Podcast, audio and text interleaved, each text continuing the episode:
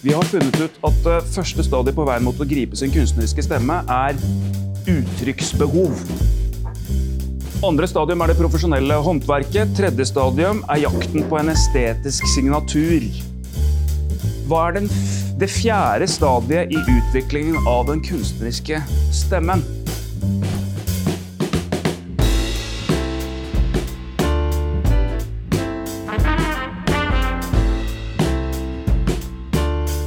Lytter nå til del to av en podkastserie hvor du blir med faglig leder i Artex, Even Lynne, på en reise for å finne din kunstneriske stemme.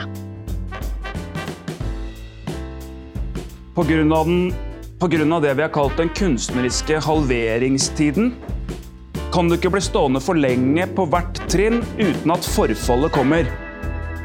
Da risikerer du, hvis du ikke lytter til den dissonansen, å bli til dilettanten på nivå 1, så blir du til epigonen på nivå 2, og så blir du til narsissisten på nivå 3. Løsningen er derfor alltid å gå videre til neste stadium i tide, og det er det vi skal snakke om nå. Dere kjenner sikkert Ingrid Bolse Berdal. Eh, hun er jo, kan du si, en av de fremste norske skuespillerne på film. I dette rommet, akkurat hvor jeg står her nå, her på Sentralen, for to år siden, så fortalte hun Da satt jeg akkurat på den stolen. Husker det veldig godt.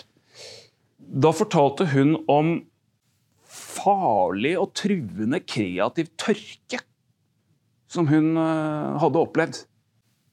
Vi snakker ikke klassisk utbrenthet, bare en sånn tørke, liksom. Forferdelig. Når du er kunstner, enda verre. Så dette skjedde da etter en periode med rotterace og steinhard jobbing og perfeksjonisme og slåssing for å bli god. Uh, og denne her krisen her, den drev henne ut på en reise. Og der, på den reisen, så kommer hun på sporet av noe nytt inni seg. Hun uttrykte det på denne måten her. Jeg opplever at det finnes en strøm av inspirasjon, og jeg kaller det mitt dyp. Og jeg snakker av og til direkte til det dypet. Jeg er alltid her, svarer det. Jeg kan bare si deg at jeg er her alltid.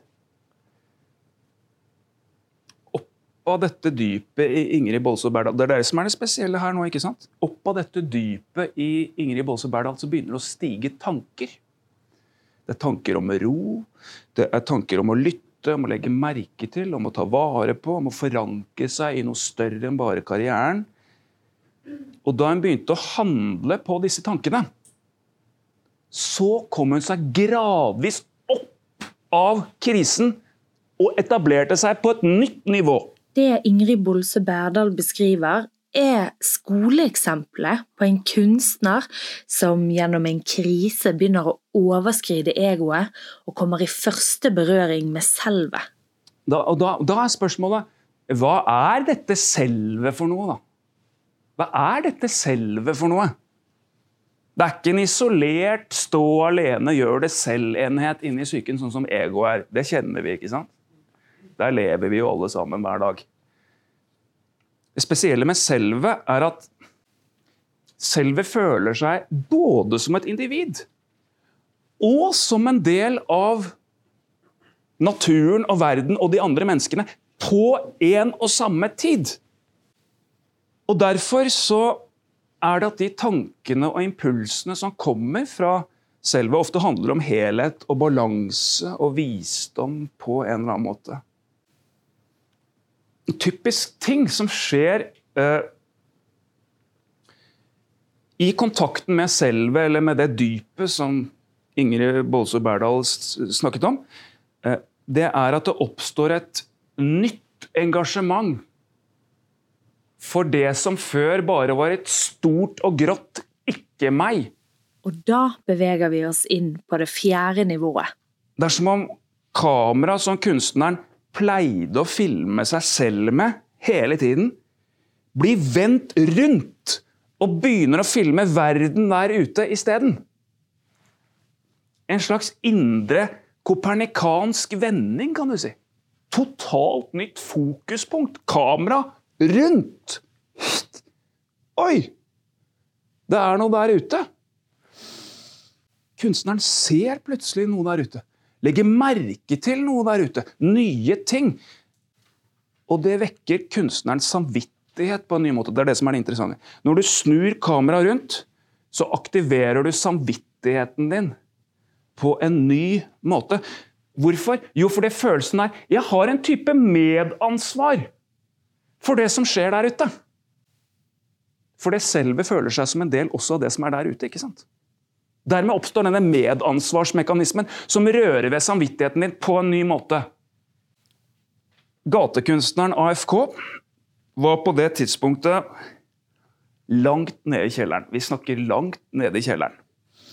Han hadde akkurat arrangert en svær paneldebatt. Liksom dratt politikere og journalister til å sitte i et panel på Media City Bergen. Og for å debattere da pressens ansvar og behovet for å se forbi populistiske løsninger og avsløre de bakenforliggende årsakene til verdens problemer. Hva gjør media? Jo, de boikotter alt sammen, ikke sant? De boikotter alt sammen. De gidder ikke skrive én eneste linje om, om eventen. AFK går fullstendig i kjelleren. Han er knekt, men han er ikke knust. Det som skjer nemlig er at Akkurat på den tiden her, så går Sylvia Listhaug av som justisminister. Det husker dere, ikke sant? Da får plutselig AFK sin store idé. Han malte altså et bilde av Sylvia Listhaug. Naken og naglet til et kors. Som en slags falsk martyr. Foran korset står det en skog med pressemikrofoner.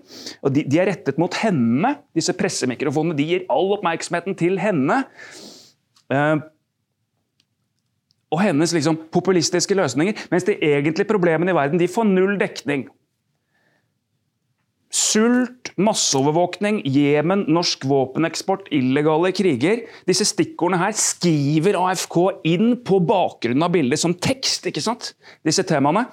Uh, og media står altså, representert ved disse mikrofonene, i forgrunnen og er bare opptatt av Sylvia Listhaugs teater.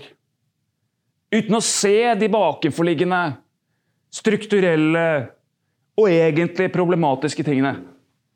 Akkurat det som skjedde på Media City Bergen. Han satte opp dette bildet her på hjørnet mellom, mellom Holmbos gate og eh, Fossvinkels gate i Bergen. Så var sirkuset i gang. Men hva var det egentlig som skjedde her? Jeg tror vi må gå litt mer analytisk til verks. Jo, først opprettet AFK ego-selv-aksen. Han vendte kameraet fra seg selv ut mot verden. Han så verdens enorme problemer, eh, og han så verdens behov. Det er det nye her. At man får øye på verdens behov. Så ble samvittigheten hans vekket. Det er også noe nytt. Du ser verdens behov først. Nummer to, du får en samvittighetsreaksjon. Så skjønte han hvordan han kunne møte verdens behov og adlyde samvittigheten sin ved hjelp av talentet sitt det han hadde utviklet, ikke sant? ved hjelp av å lage et bilde, det er nummer tre. Og den der ideen der, at han plutselig skjønner hvordan han kan bruke talentet sitt til å, svare, til å tilfredsstille sin samvittighet og svare på verdens behov Når han skjønner det, får den ideen som gjør at han skjønner det, at han ser de connected dots, ikke sant? så utløser det en enorm person. Han blir ladet med kraft. I dette spenningsfeltet her mellom verdens behov, kunstnerens samvittighet, talent og person Den firkanten her, ikke sant? I dette spenningsfeltet her så forløses den kunstneriske stemmen spontant. Du kan si den fødes bare i et type kraftfelt mellom disse fire punktene. Verdens behov, samvittighet, kunstnerens talent og person. Da er vi over på nivå fire. Ja, hvorfor er dette nivå fire, da? Er det ikke den samme gamle suppa? Nei. Det viktige å holde fast ved her nå er at AFK ikke malte bilder for å foredle sin estetiske signatur. Det var ikke det AFK holdt på med. Det hadde han fra før. Men det var ikke det som var hans primære mål med å skape det kunstverket. Det, det er nivå tre, nemlig. Han ville flytte på noe i verden med kunsten sin. Det er nivå fire. Det er samfunnet der ute som er inspirasjonskilden for den kunstneriske stemmen på det stadiet her. Samfunnet der ute og samvittigheten. Kunstneren skaper, kunstneren skaper synergi mellom eget talent og verdens behov. Det er det som skjer. Det er en vinn-vinn-situasjon mellom verdens behov og kunstnerens evne og bidrag. Vi har snakket om dilettanten på nivå 1, epigonen på nivå 2, og vi har snakket om narsissisten på nivå 3. Men hva blir egentlig problemet på nivå 4? Problemet på nivå 4 er politikeren. Kunstneren kan komme til å bli, uten å merke det selv, uten å ville det selv, en politisk korrekt figur som forenkler virkeligheten i godhetens tjeneste. Verkene blir tynnere og tynnere, mer og mer propagandistiske. Uten å merke det, så blir kunstneren på en måte et av de der røde eplene i Narvesen-kiosken. De kan se veldig fine ut lenge etter at kjernehuset har begynt å råtne. Så da er det på tide å komme seg over på nivå fem. Og hvis du vil finne ut hva det er, må du høre på del tre i denne podkastserien. Hvem som tok han skrittet fra den kunstneriske stemmen som han allerede hadde etablert, kraftfullt og bra på nivå fire, og utviklet det vi kan kalle den kunstneriske motstemmen på nivå fem. Denne podkasten er laget av Talent Norge og reporter, det var meg, Hilde Krohn Leinebø.